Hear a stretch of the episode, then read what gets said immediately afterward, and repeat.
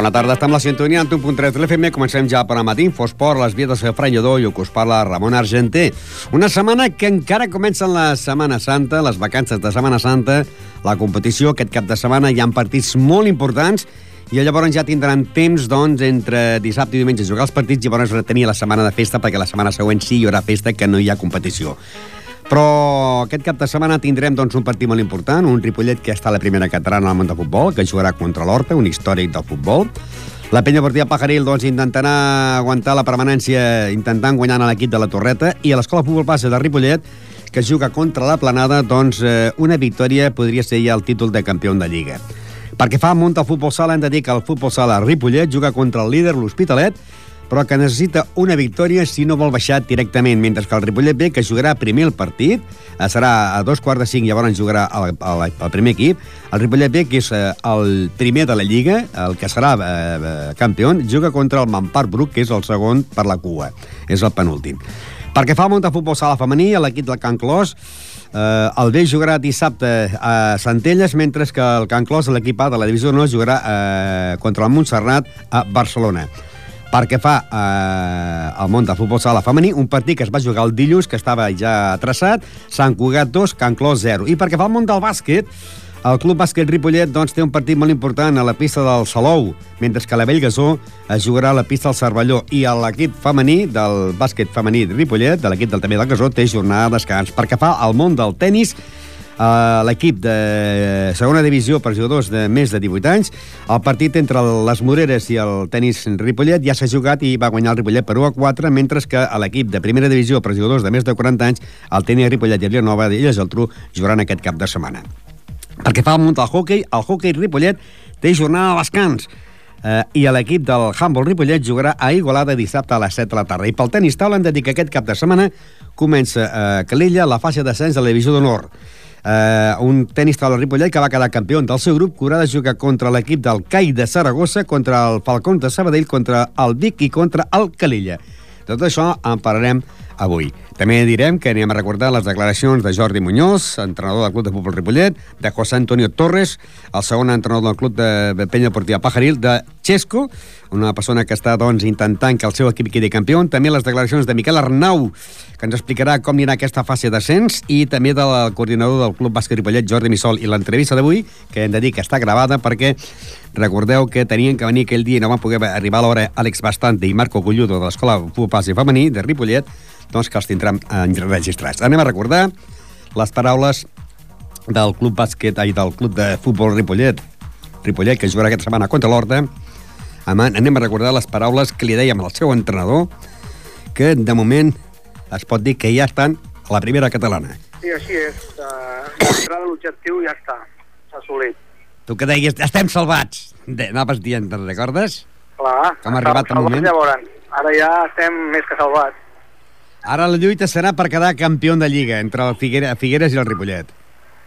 Pues sí, serà un, una lluita que espero que diumenge podem guanyar l'Horta i llavors ja pensarem en el proper partit. Però el primer que ve ara és l'Horta.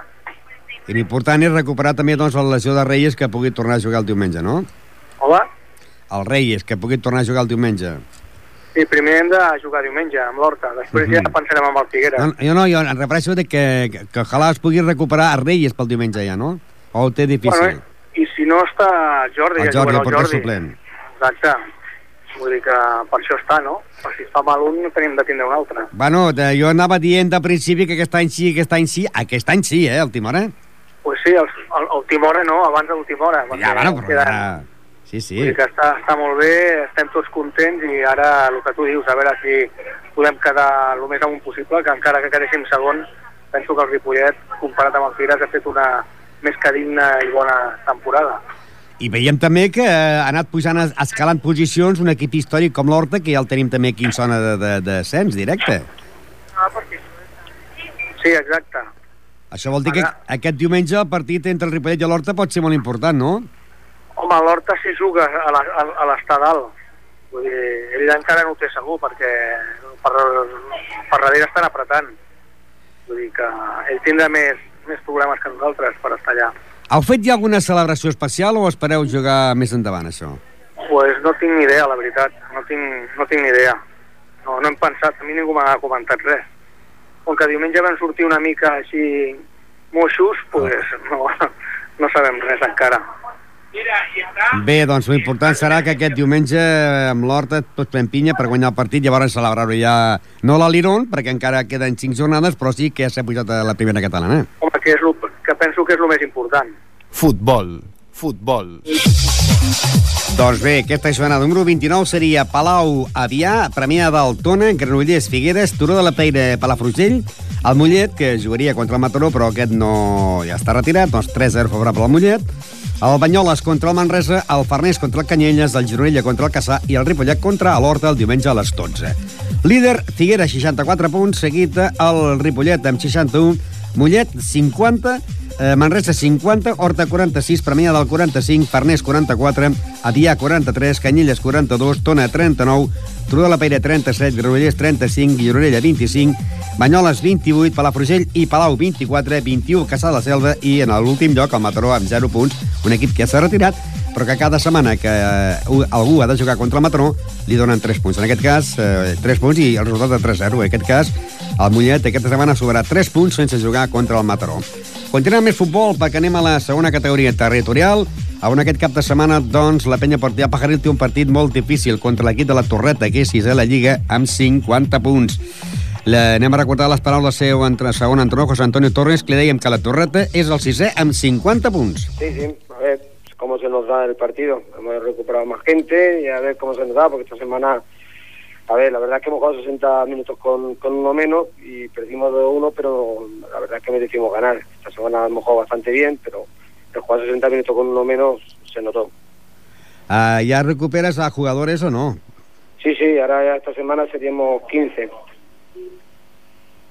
Lo cual ya, porque esta semana éramos 13 otra vez y esta semana ya seremos 15. Eh, tal como te decía otro día, yo no sé si son los jugadores, pero a ti te veo bajo de moral, ¿no? O te oigo bajo de moral, mejor dicho. Bueno, digamos que sí estoy preocupado, está claro. No, las cosas no, no van bien y entonces como no van bien, pues mm, lo lógico es que te, te preocupe. Pero bueno, siempre tengo la, la ilusión de, de que esto terminará, terminará bien. Porque quedan pocas jornadas ya, ¿eh? Sí, recuerdo más, son siete y el partido atrasado contra la Sabienca, ocho. Ahora sería muy importante que ganarais eh, los tres puntos de dos partidos que tenéis en casa, ¿no? Eh, siempre se juega mejor en casa o hay más oportunidades en casa que fuera, ¿no? Frente a la Torreta y frente al Sabadellén, que ha sido partido aplazado. Sí, hombre, a ver, ganar los dos partidos o cualquiera de los dos, que son dos de- equipos de arriba, uno es el segundo y otro es el, el sexto, si no me equivoco, mm, te daría mucho mal, está claro. Porque vosotros tenéis por delante y estáis a, tre- a tres puntos y a cuatro puntos y a cinco del Vallés, Vilamayor y Martorellas, que en principio son equipos que tendrían que estar por debajo vuestro. Sí, sí, teóricamente sí, o sea, mm, de hecho eh, somos superiores, porque por ejemplo el, el ya le ganamos en su casa eh, y los otros dos también les hemos ganado, o sea que... Pero bueno, cuando las cosas no salen bien y tienes pocos jugadores eh, y te expulsan cada, cada partido un jugador por tonterías y cometes errores en defensa y luego que te cara a portería pues no tienes suerte o no estás, no estás pues estas cosas pasan. Para lo importante es ganar la torreta, luego la Semana Santa que tendréis vacaciones, ¿no? Y luego ya empezar con fuerza en los siguientes partidos, ¿no? Sí, porque teóricamente si después de, de la torreta o se va a Enca ya tendremos todos los jugadores disponibles, teóricamente. Suerte y a ver si se consiguen esos tres puntos frente al equipo. Para mí, revelación de la temporada, ¿no? El equipo de la Liga, la Torreta. Bueno, no, no creas, la torreta ya lleva tiempo jugando en segunda y siempre mantiene la categoría, o sea, que es un equipo que ya, ya lleva años en la segunda ¿De nacional, dónde es el equipo de la Torreta? de Granollers. De Granollers. Bueno, es, es, a ver, la torreta es, mm, a ver, sí, me acuerdo, de la Roca, La Roca. es la torreta de la Roca, pero está más metido en, en Granollers que, en- que la Roca en sí. ¿Y ves, y ves a de el campeón? Sí, bueno, ya te lo dije en principio, que para mí los equipos eran Gisa de Valle y, y Cardedeu. Pasa que Cardedeu ha tenido muchos problemas con los jugadores, se han ido jugadores, han traído jugadores, pero sí, no es ninguna sorpresa. Para mí era uno de los equipos que estaba destinado a subir. Porque ahora el líder es eh, Lliçà de Vall 59, Sabadellenca 55, Bellavista 53 y luego tres empates a 50 puntos, Sarrañola B, Cardeu y La Torreta. Ujú. Luego a partir de aquí ya 47, 41, 41, 36, 35, 34, 31, eh, vosotros y el, Pitres, y luego ya 29 el equipo de Palatordena, que son los de, dos equipos que os podrían pasar a vosotros. No, eh, a ver, por arriba está bastante decidido. Yo creo que se lo juega entre Sadenca, que tiene el partido contra nosotros aplazado, y el Gisán. Y luego sabemos eh, ahí que bajan seis, pues sabemos unos 10 equipos que estamos luchando por no bajar. La lucha vuestra tiene que ser del puesto 13 para arriba, Sí, para menos aguantar la categoría. Sí, pero vamos, tal y como está la cosa, lo más alto que se podría llegar, o lo más más arriba que podríamos llegar sería noveno, puesto, tal y como están las cosas ahora mismo. Bueno, pero con este resultado ya firmaríais, ¿no? Hombre, lo firmaba ya desde principio de temporada. Ya sabemos que va a ser un año difícil, complicado, pero bueno, en eso estamos, llegar ahí. Futbol, futbol. A les paraules de José Antonio Torres, doncs bé, la penya Portiva Pagaril en aquests moments està en zona de descens directe. Baixarien la penya Portiva Pagaril en 31 punts, el Peters en 31, el Palau Tudera en 29, l'Ametlla en 25, el Sant Esteve en 22 i el Parets amb 13 punts.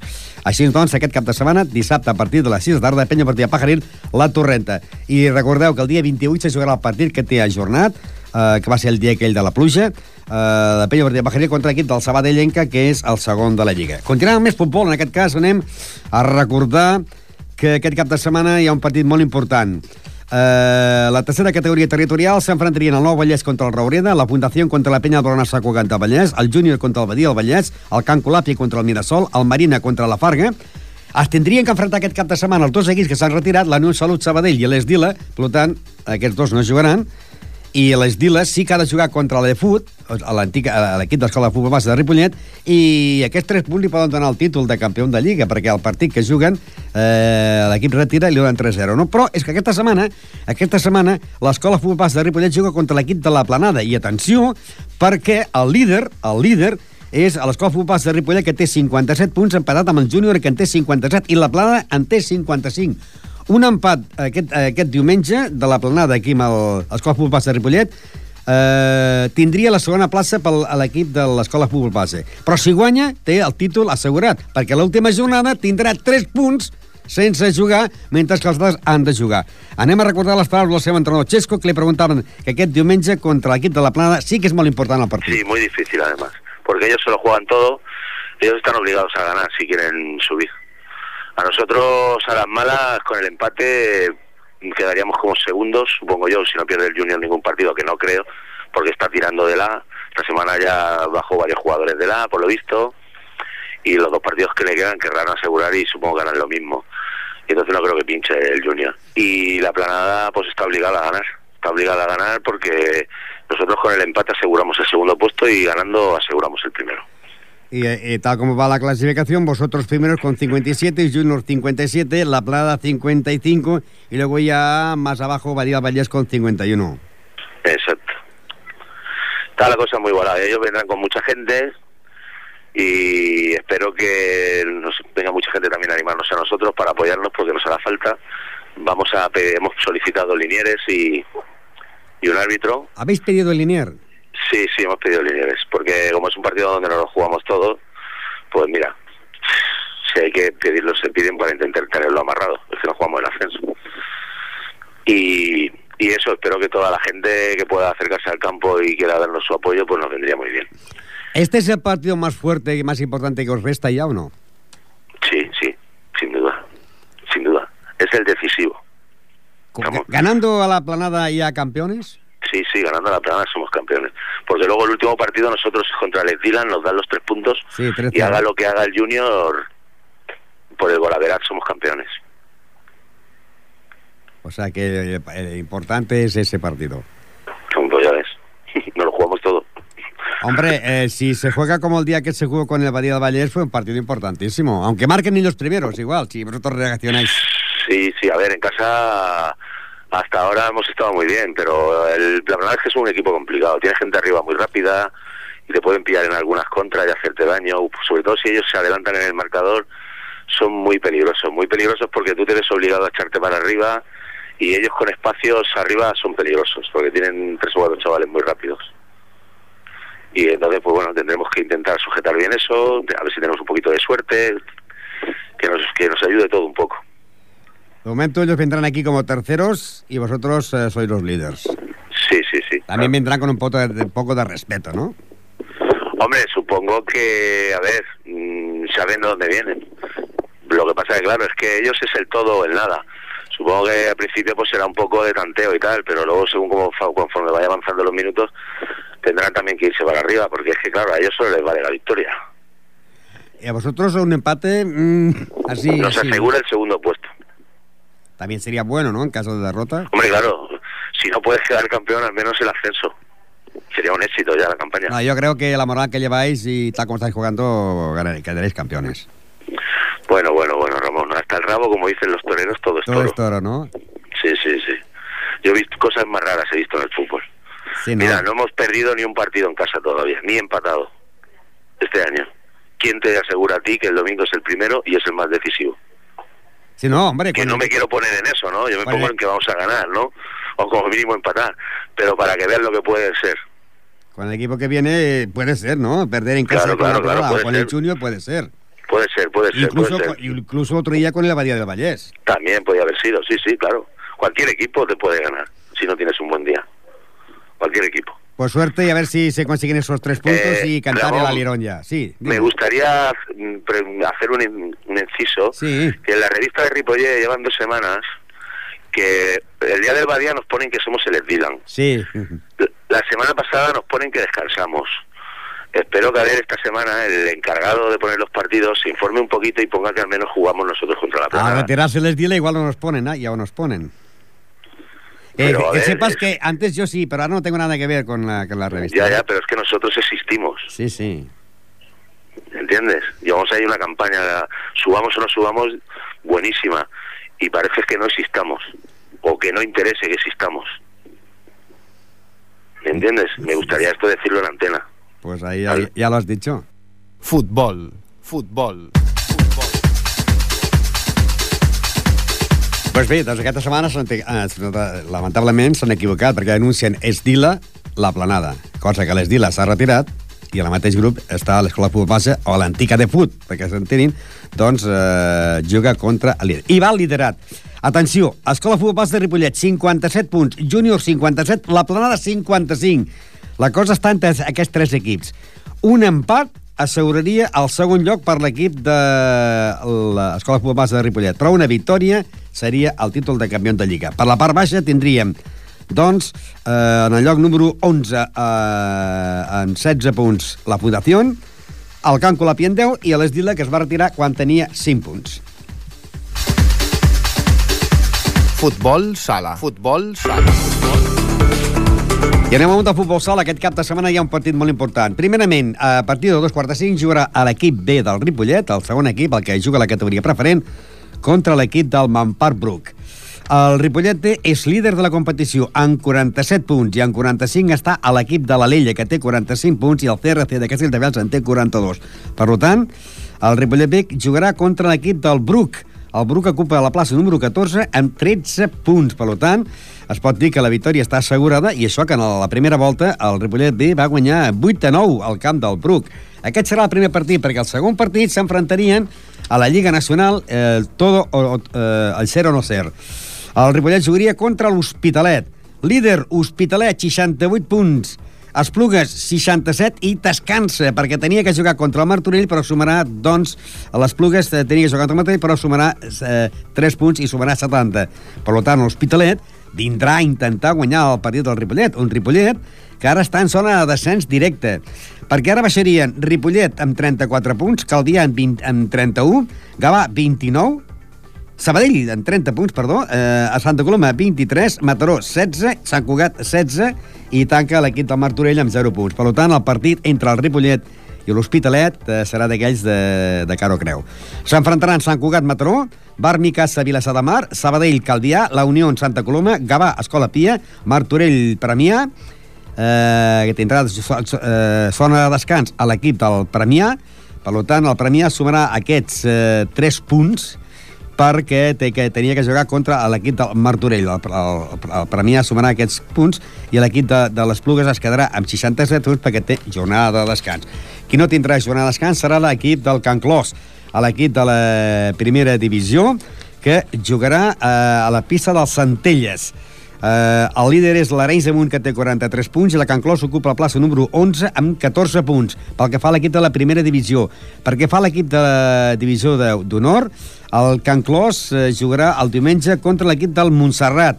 El Montserrat és últim de la Lliga i només té un punt, mentre que l'equip del Can Clos eh, ocupa la plaça número 6 amb 31 punts.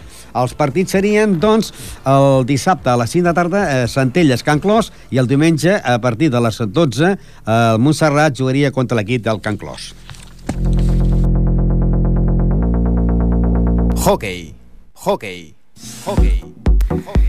I anem ja al Club Hockey Ripollet, que aquesta setmana doncs, tindrà una Setmana Santa, que podrà anar, doncs, si vol anar d'excursió, podrà anar d'excursió perquè té jornada de descans i no el, el hockey, sinó tot l'equip, tota la lliga té jornada de descans. Líder, Vilassar de Mar, 63, Riu de Villes, 59, Corbera, 53, eh, Centelles, 36 i Ripollet, 35. I per la part baixa tenim Arenys de Mar en 21, Premià de Mar en 16 i Tanca la Bartino en 6 punts. Aquesta setmana tindrà jornada de descans. Qui no tindrà jornada de descans és el, el, Club Handball Ripollet, que jugarà a la pista del Igualada. Uh, L'equip serà dissabte a partir de les 7 de tarda, Igualada-Ripollet un Igualada que ocupa la plaça número 11 en 7 punts, un Ripollet que ocupa la plaça número 10 en 8 punts. Uh, el líder és el Pardinyes, que en té 29, seguit del Sants amb 27, i el Sant Pedor també té 27. El Sant Miquel és quart amb 26. El dissabte, a partir de la 7 de la tarda, Igualada, Ripollet. Un Igualada que, doncs, eh, la setmana passada, a l'Igualada, eh, perdia la pista del Sant Pedor per 32 a 24, mentre que el Ripollet també perdia davant del Serranyola per 31 a 39. Tenis taula. Tenis taula. I el tenis taula Ripollet, doncs, s'han acabat les lligues nacionals. El femení Ripollet ha quedat quart a la divisió d'honor i, les i la primera nacional han quedat terceres, mentre que els nois han quedat primers i han de fer la fase d'ascens. Una fase d'ascens que jugaran aquest cap de setmana eh, a Calella i s'enfrontaran al CAI Saragossa, el Falcons de Sabadell, el Vic i el Calella. El Ripollet volia renunciar fer aquesta fase. L'any passat va quedar campió i va renunciar a fer la fase. Però aquest any la federació no li ha acceptat que de la renúncia de fer la fase i està obligat a jugar la fase. Però el Ripollet, com que no vol pujar, presentarà un jugador del primer equip, que és obligació, i dos juvenils. Eh, s'han s'han d'enfrontar contra el CAI Santiago de Saragossa, amb l'estranger Vladimir Borac, amb el Facundo de Sabadell amb el Pere Beix, el Vic amb el Joan Cussó i Calella amb, amb Manolo García, exjugador del Club Tenis Taula Ripollet. La segona fase es disputaria els dies 23 i 24 a Vic.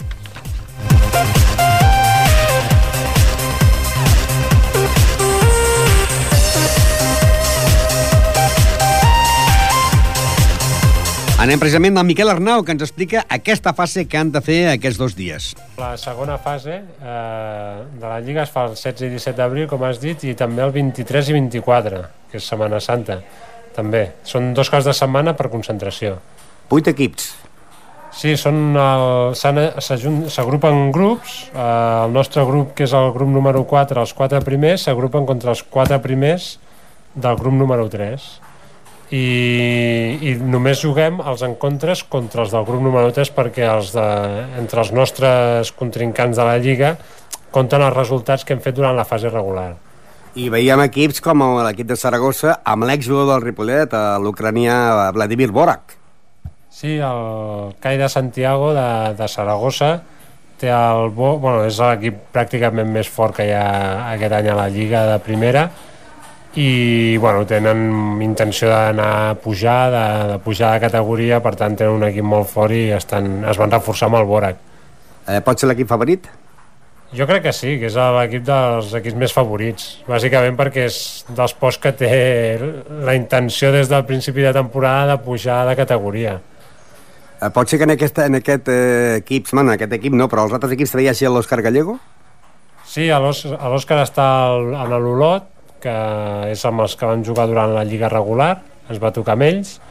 Nosaltres ja no ens tocaria jugar contra ells en aquesta segona fase, perquè ja hem jugat durant la Lliga, però bueno, sé que l'Olot mm, no té intencions tampoc de, de pujar de categoria a Divisió Honor. El que passa que d'aquests vuit equips, quants pujarien? Em sembla que dos pugen. O... Encara no és segur.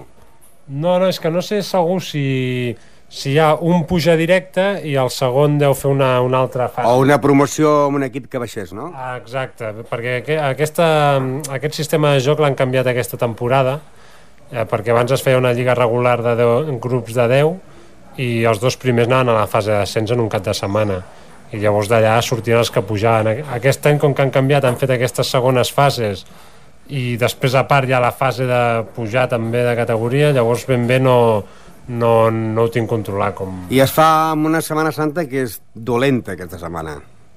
Home, és dolenta per dates, perquè a nivell de jugadors, a primera nacional i segona nacional, que és d'aquest, en aquests equips que es fan les segones fases aquestes, les han posat ara en Setmana Santa, i hem de comptar que, que clar, la gran majoria, el 90 o 95% de jugadors no són professionals. Tenen la seva feina, tenen les seves vacances, eh, tenen la seva família, llavors, clar, si haguessin, si haguessin set caps de setmana normals, doncs segurament no hi hauria problemes. Si en cas de setmana de Setmana Santa, eh, pot ser que hi hagi jugadors que tinguin problemes per participar, clar. Podria ser que el Ripollet és més marmat de jugadors?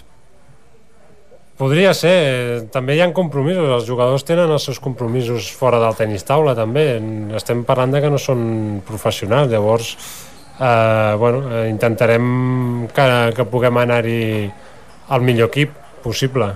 De totes maneres, la campanya dels equips de Lliga Nacional ha sigut bona, no? perquè vosaltres, campions del grup, eh, l'equip de jugadors de noies a quartes i la Primera Nacional han quedat terceres.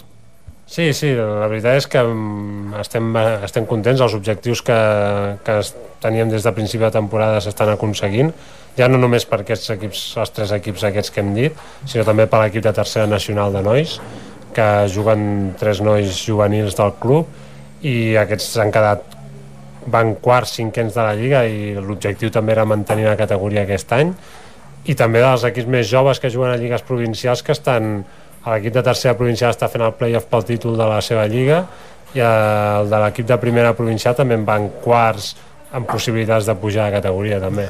I quan s'acabi tot això, quasi, quasi, quasi, abans d'arribar a les vacances, el Campionat de Catalunya que es farà aquí a Ripollet.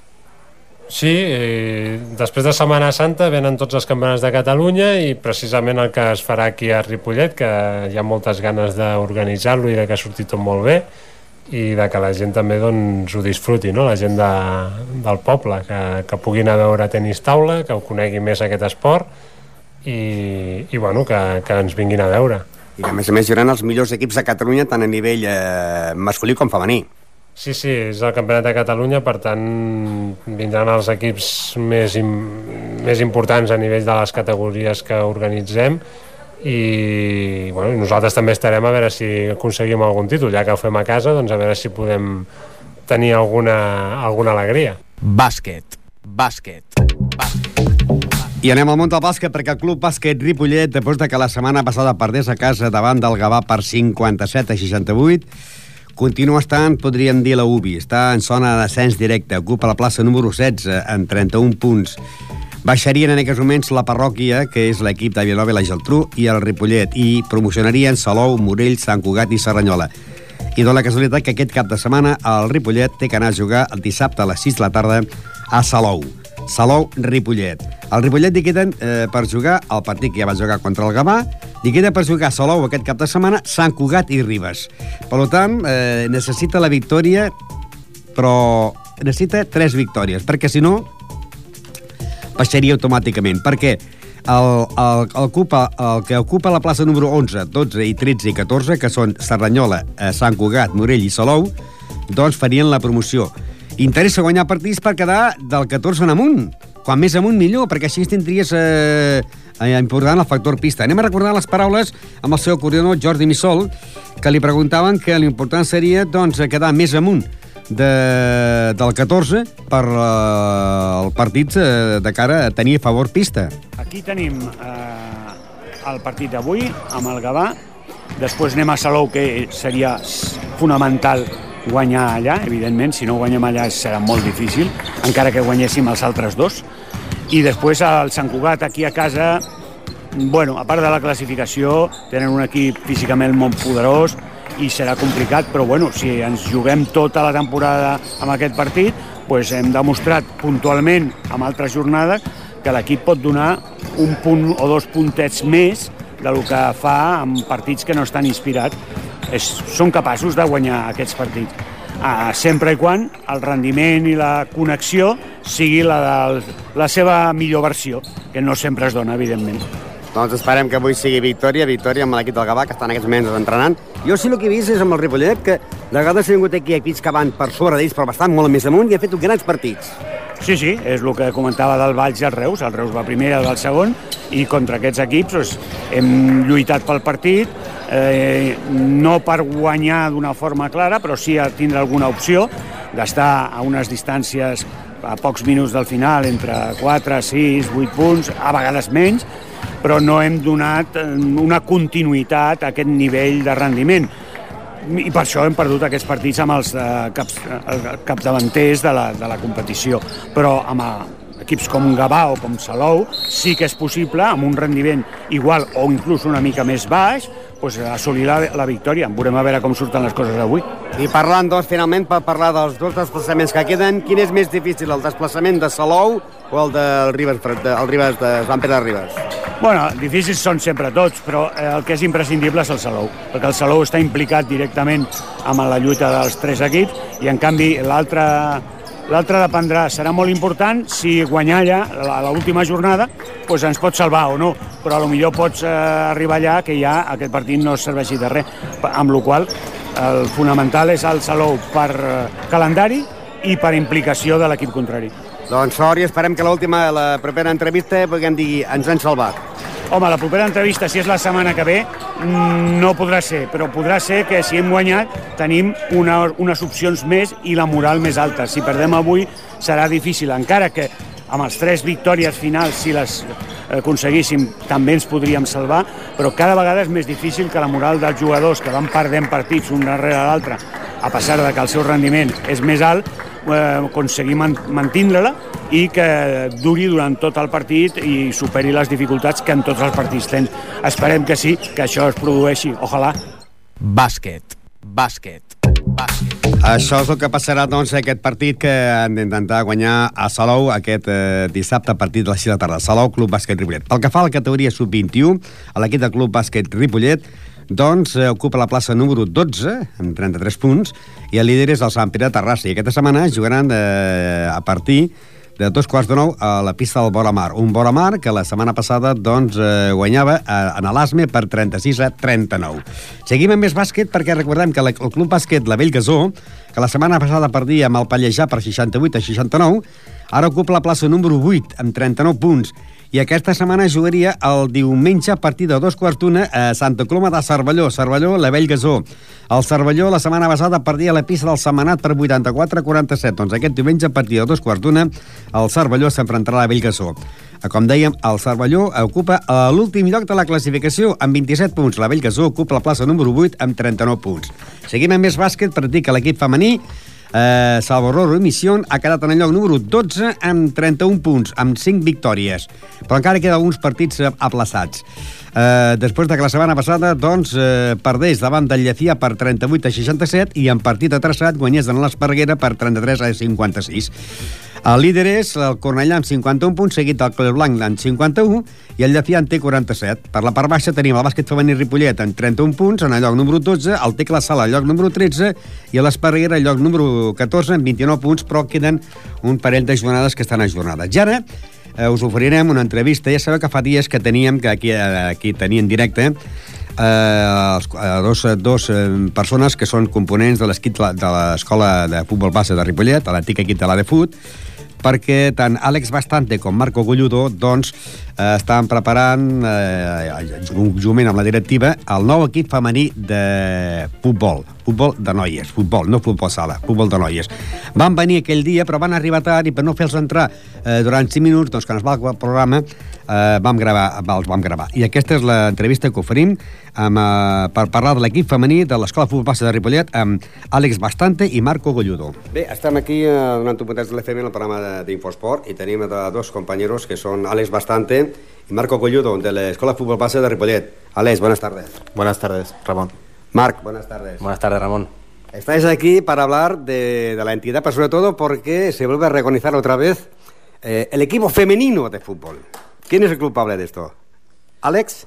No, eh, los culpables son las niñas mismas, ¿no? Que son las que han solicitado poder eh, hacer otra vez este equipo y, y tomárselo un poquito en serio poder competir en ello. ¿Es difícil eh, coger a las 14 o 15 chicas para poder jugar a fútbol? Eh, la verdad es que no es, no es tarea fácil, la verdad es, es un, es un trabajo que se está haciendo, que se está corriendo la voz por todos sitios. Y claro, para hacer una cosa seria pues necesitas jugadoras y la verdad es que es complicado. Porque ya hubo un equipo que desapareció. ¿Estas chicas las repescáis o ya han dejado el deporte? Hay alguna que continúa, pero otras estamos intentando repescar, otras ya se han buscado la vida, están en otros equipos y estamos intentando poder recuperar a todas estas chicas que también eran buenas jugadoras. Y algunas que jugaban en el primer equipo mm, dejaron el deporte y otras ficharon por otros equipos, ¿no?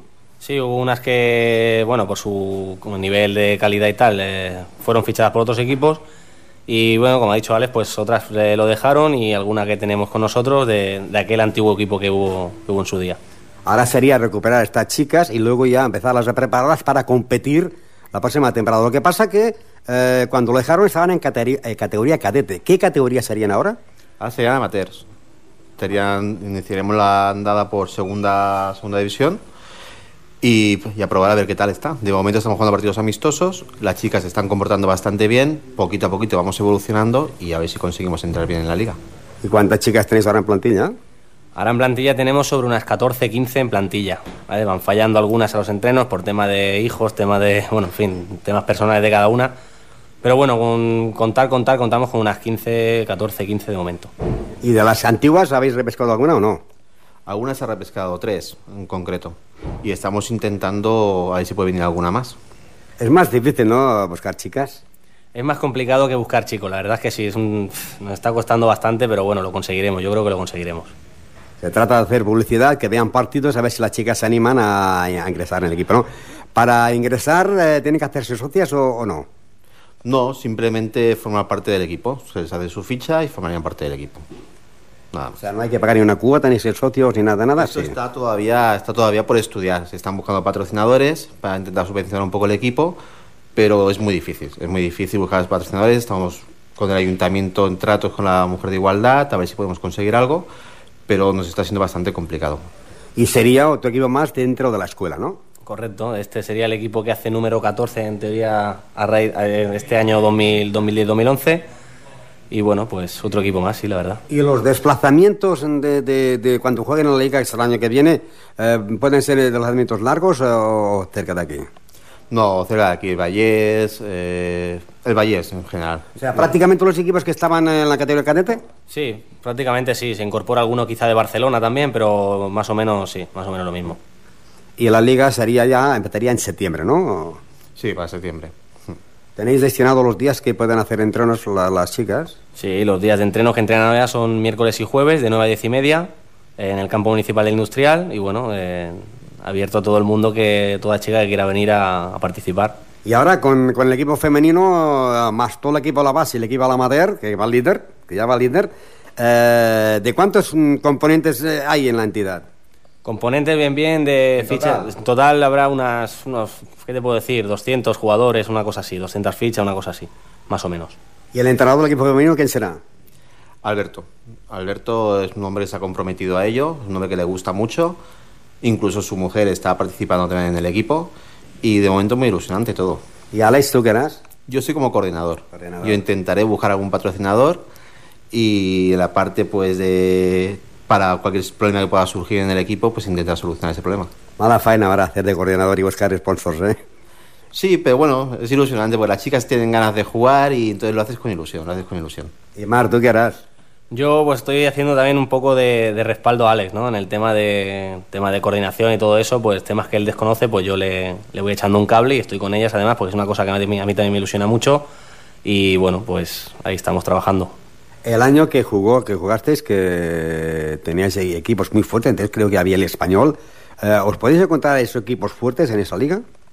Ahora mismo el español me parece en categorías mucho más altas. Pero sí que hay equipos, por ejemplo, como el San Andrés, equipos bastante fuertecitos, Júpiter, que sí que no los podríamos encontrarse. Son segundos equipos de los equipos de los primeros equipos, vamos. O sea que todavía tenéis mucho tiempo para re- reclutar a chicas que puedan jugar la temporada que viene. Sí, sí, hasta bueno, hasta el mes de junio estamos ahí. Todas las chicas que quieran venir, está, o sea, está, tiene la puerta abierta para poder entrar en el equipo rápidamente. Alex, ¿qué pedirías a la gente de Ripollet, chicas, que no hagan ningún deporte y que quieran jugar a fútbol con vosotros? Pues que se animen, que suban, que prueben, porque realmente es, es un equipo que se está realizando para mujeres que les gusta hacer deporte. El nivel no es excesivamente alto, por lo que cualquier incorporación podría ser buena.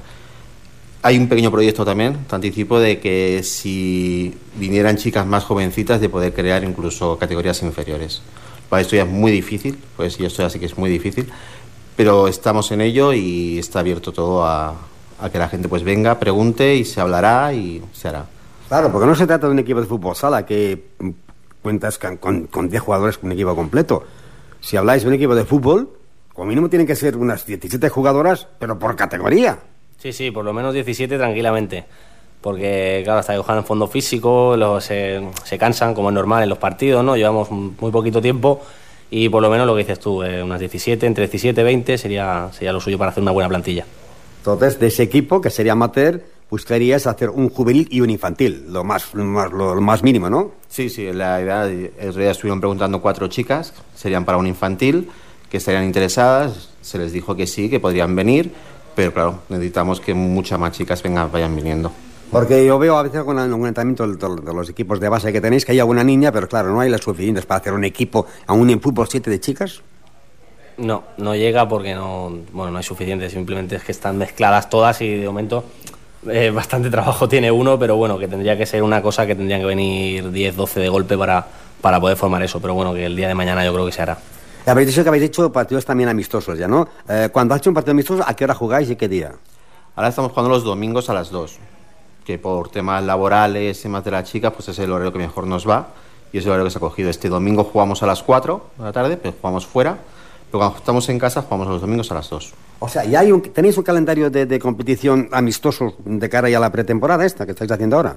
Sí, Marc se está encargando un poquito de buscar equipos que descansan en sus respectivas ligas y vamos concretando partidos domingo tras domingo. ¿Con qué equipo habéis jugado y cuáles son los próximos rivales, si te acuerdas, de los equipos? Bueno, pues hemos jugado, si no recuerdo mal, son dos partidos atrás, tres partidos, sí, correcto, tres partidos. Hemos jugado contra Júpiter eh, en dos ocasiones, primero en su campo y luego en el nuestro, y uno de los rivales ha sido San Andreu también. Y este domingo nos enfrentamos al Club de Fútbol Poniente, que es un equipito de, de Granollers, y bueno, que tenemos buena relación y, y en fin, hemos concretado un partido para este domingo. Y es difícil porque, claro, esos equipos todos juegan en competición, ¿no? Para eh, tienes que buscar el día que ellos descansen o que no tengan nada para poder jugar el partido, ¿no? Sí, sí, sí. Nos hemos encontrado de equipos que por el hecho de que descansaban, pues nos han dicho, ostras, que es que las chicas descansaban ese fin de semana, ya estaba comprometido el descanso y no podíamos jugar, ¿no? Entonces nos está costando en ese aspecto, ¿no? De que las chicas que ya saben que van a descansar, pues cuesta un poco, ¿no? Es decir, el día de descanso tenemos que ir a jugar un amistoso. Y luego, el día que hagáis entrenamientos, eh, la gente os puede venir a ver, las chicas que os puedan venir a ver para que así cojan afición, ¿no? Sí, sí, aquello, te digo, aquello es, está abierto a todo el mundo y todo el mundo que quiera estar interesado en ir o mirar algún día lo que sea o hablar con quien sea, tanto Alex como yo estamos abiertos a todo el mundo para que puedan preguntar y cualquier duda que tengan, claro. ¿A qué hora pueden venir para ver un entrenamiento? Pues como hemos dicho antes, miércoles o jueves de 9 a 10 y media. En el caso de que no puedan, de que quieran preguntar o lo que sea, pedir información, pueden venir antes, de 6 a 8 está la oficina abierta, estoy, estoy yo allí toda la tarde.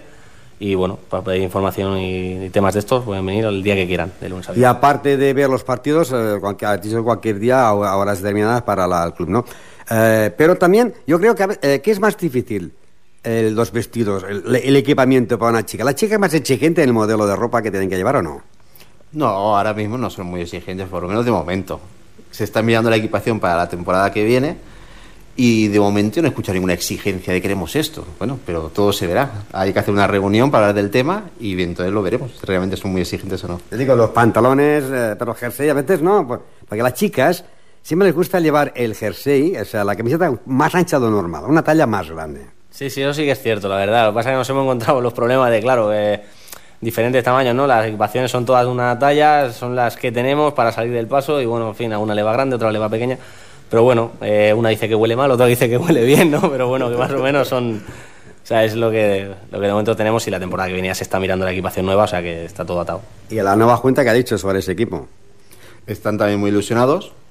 De momento es una subvención, o sea, es un equipo que va a formar parte del club, de la entidad, pero estaremos un poco subvención aparte. O sea, nosotros mismos nos tenemos que subvencionarnos y seremos como un equipo independiente, pero formando parte de la escuela. Y ahora, porque es eh, partidos amistosos, ¿no? Pero la próxima temporada, que con todos los equipos, entonces, ¿qué horario pediríais para jugar los partidos ya oficiales del campeonato? Eh, los horarios están aún, aún por matizar. Eh, piensa que el año que viene tenemos más equipos, más categorías y, y entonces eh, también tenemos que sentarnos con ella los, los días que les vaya bien mejor jugar en casa y matizarlo todo. O sea, no, es- no hay nada claro aún. Porque claro, si sigue al paso así, el, equi- el equipo amateur asciende a categoría, entonces también sería importante tener un equipo eh, amateur, aunque sea juvenil, masculino. Sí, a ver, sería interesante, pero bueno, esto todavía está por ver. Entonces, de cuando se vea cómo queda todo, pues entonces se hablará de este tema. Porque claro, tal como está la cosa ahora, pues si suben el primero y el segundo, eh, el primer equipo va, va en, en intención de, de- de quedar campeón, ¿no? O, o ascender. Entonces habría la escalera, ¿no? Y en chicas, pues si podéis conseguir a más a más el equipo de que sería amateur, ¿amateur en qué categoría, por eso? Segunda. Segunda categoría. Sí. Aquí- se empezaría aquí, ¿no? Luego, y, y luego ¿qué categorías hay en chicas? Primera. Esta segunda, esta primera y nacional. O sea, la que, la que juega en el Barcelona, el Español y el Startit, Superliga esto es Super Liga Femenina. Para llegar a esa categoría, ¿cuántos años tendrían que pasar? Más o menos. Por lo menos tranquilamente unos cinco añitos, no hay quien se los quite. Ganando cada año Ganando, exactamente. Cinco Ganando cinco, sí, cinco, entre cinco o seis años, dependiendo de... Sí, más o menos. No, estaría bien, ¿no? Hombre, no estaría mal, la verdad es que no. la verdad es que estaría muy bien, sí, sí, sí. Hombre, y más, yo me refiero a más, porque mira, en fútbol en Ripollet hay fútbol. El Ripollet, con sus equipos de escuela. Había la Peña con sus equipos de escuela que lo dejaron. Había la Industrial con sus equipos de escuela. Está la Esdila, está la de Foot, eh, o la antigua de Foot, que cuesta, me cuesta mucho decir escuela de fútbol de Ripollet. Siempre de Foot, de Foot, de Foot. Pero en chicas no hay ningún equipo, nomás vosotros. Entonces, yo creo que tendréis más facilidades de que si una chica quiere practicar el deporte de fútbol, ir a vosotros. Pues sí, sí, me facilidad.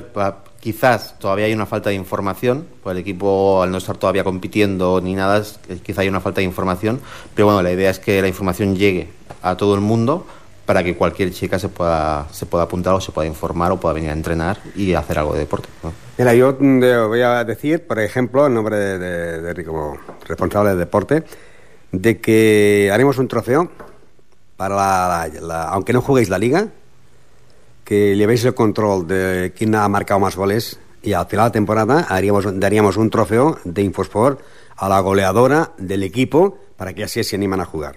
Muy bien, pues sería, es un detalle, Ramón, te agradecemos de verdad desde, la parte de nuestra, se agradece.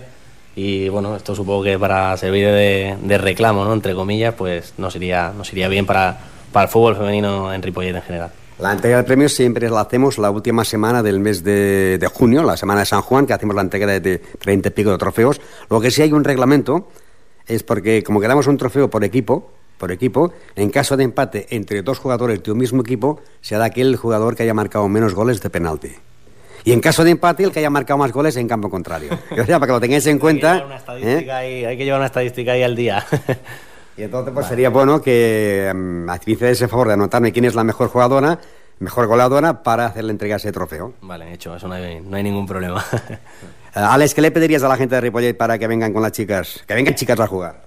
A ver, las instalaciones son impresionantes, eh, el ambiente es muy bueno, las chicas tienen muchas ganas de jugar, el entrenador Mark y yo tenemos muchas ganas de que esto vaya hacia adelante, estamos poniendo mucho de nuestra parte para que esto vaya hacia adelante y la verdad es que con el proyecto que hay sería una lástima que por falta de chicas no se pueda llevar adelante. Entonces yo animo a todo el mundo que quiera venir a que el trato va a ser muy bueno y se van a encontrar muy cómodas ahí arriba.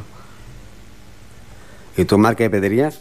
Pues más o menos el, el proyecto que tenemos entre manos juntos, pues es más o menos van de la mano, ¿no? La misma historia. eh, decirles eso, que se animen, que, que lo pasaremos bien, eh, ganaremos, perderemos, habrá de todo, pero bueno, sobre todo eso, eh, lo que se trata de hacer un equipo, de hacer una piña, de hacer un, un grupo de amigas y de, y de practicar el deporte, el fútbol femenino aquí de Ripollet, que, que yo creo que ya toca que, de tener un equipo aquí. Suerte y felicidades. Gracias, Ramón. Gracias, Ramón.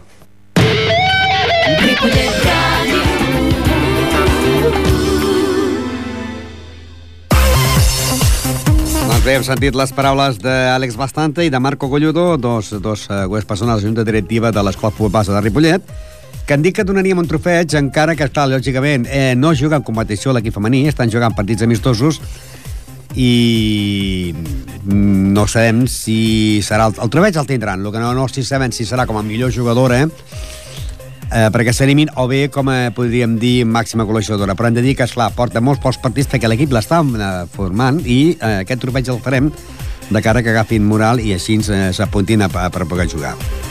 Estem ja a recta final del programa. Anem a recordar que també hi ha competició del món del tennis, però que l'equip de la segona divisió, per jugadors de més de, de 18 anys, el Club Tenis Ripollet, el partit ja el va jugar, el partit s'ha adelantat contra les Moreres i van guanyar 1 a 4 amb un punt d'Ivan Parnejo, un de Lucas Nauel i un de Javier Carreras i un del partit de dobles. La classificació en aquests moments la capçala el Club Tenis Ripollet en 32 punts, seguit de l'Aietà en 32, Vilanova i Geltrú 28, les Moreres 26, Poble de Claramunt 26, Vilanova del Camí Universitari 21, Sant Llorenç d'Hortons 15, Hispana Francès i Castellbisbal amb 13 punts. I aquesta setmana, lògicament, doncs, tindran jornada a descans. Qui no tindrà jornada a descans serà l'equip de segona divisió per més de 40 anys, que jugaran el Club Tenis Ripollet i el Vinalovi La Geltrú, a l'equip de primera divisió. El líder de la competició és el Ripollet, que té 19 punts, empatats amb el Camp Malí, que en té 19, Olesa 15, Hispana Francès 15, Sant Andreu de la Barca 11, Sant Sadolí de Noia 8 i tanca el Vilanova i Geltrú en el lloc número 7 en 7 punts.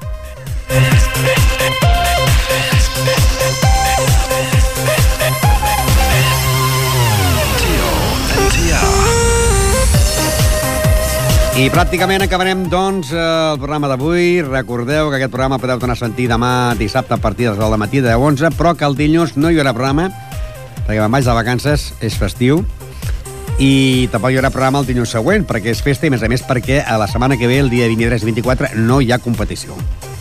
Sí, hi haurà competició aquest cap de setmana, perquè l'equip eh, del Club Ciclista Ripollet, aquest diumenge, dia 17 d'abril, farà la sortida, com sempre, des de la part del riu Ripoll, eh, amb un recorregut de 125 quilòmetres i aniran a Sant Fruitós del Bages, Ripollet, Sant Cugat, Rubí, Terrassa, Vila de Cavalls, la Bauma, Castellvell i el Vilar, a Cruïlla, Monistrol, Manresa, tornaran cap a Manresa, baixaran cap a Sant Fruitós del Bages, eh, Navarcles, Talamanca, eh, Coll d'Estanalles, Mata de Pena, Parada Mata de Pera, eh, Sabadell i Ripollet, amb un recorregut de 125 quilòmetres.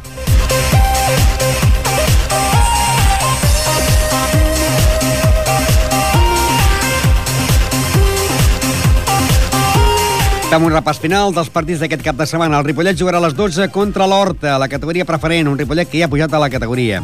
La penya Portilla Pagaril jugarà el dissabte a partir de les 6 contra la Torreta i l'Escola Futbol Base de Ripollet jugarà contra la Planada el diumenge a les 12. Si guanya, seria campió. A futbol sala, el Ripollet jugarà contra l'Hospitalet a les a dos quarts de set del dissabte i a dos quarts de cinc el Ripollet B contra el Bruc. En futbol sala femení, el Montserrat jugaria contra el Can Clos el diumenge a les 11 i el dissabte a les 5 de la tarda el Centelles contra Can Clos B. Eh, en el món del bàsquet, el Salou serà el rival del Club Bàsquet Ripollet a Salou, partit que serà dissabte a les 6 de la tarda, i el Santa Coloma Cervelló ho farà contra Bellgasó el diumenge a partir de dos quarts d'una. En el món del handball, eh, Igualada jugarà contra el Ripollet a les 7 de la tarda del dissabte. I en el món del tenis taula eh, comença la fase d'ascens a la divisió d'honor, on el Club Tenis Taula Ripollet tindrà que jugar contra el CAI de Saragossa, contra el Falcons de Sabadell, contra el Verdolai Vic i contra el Calella. Us donem punt i final i que tingueu bon cap de setmana i bones vacances.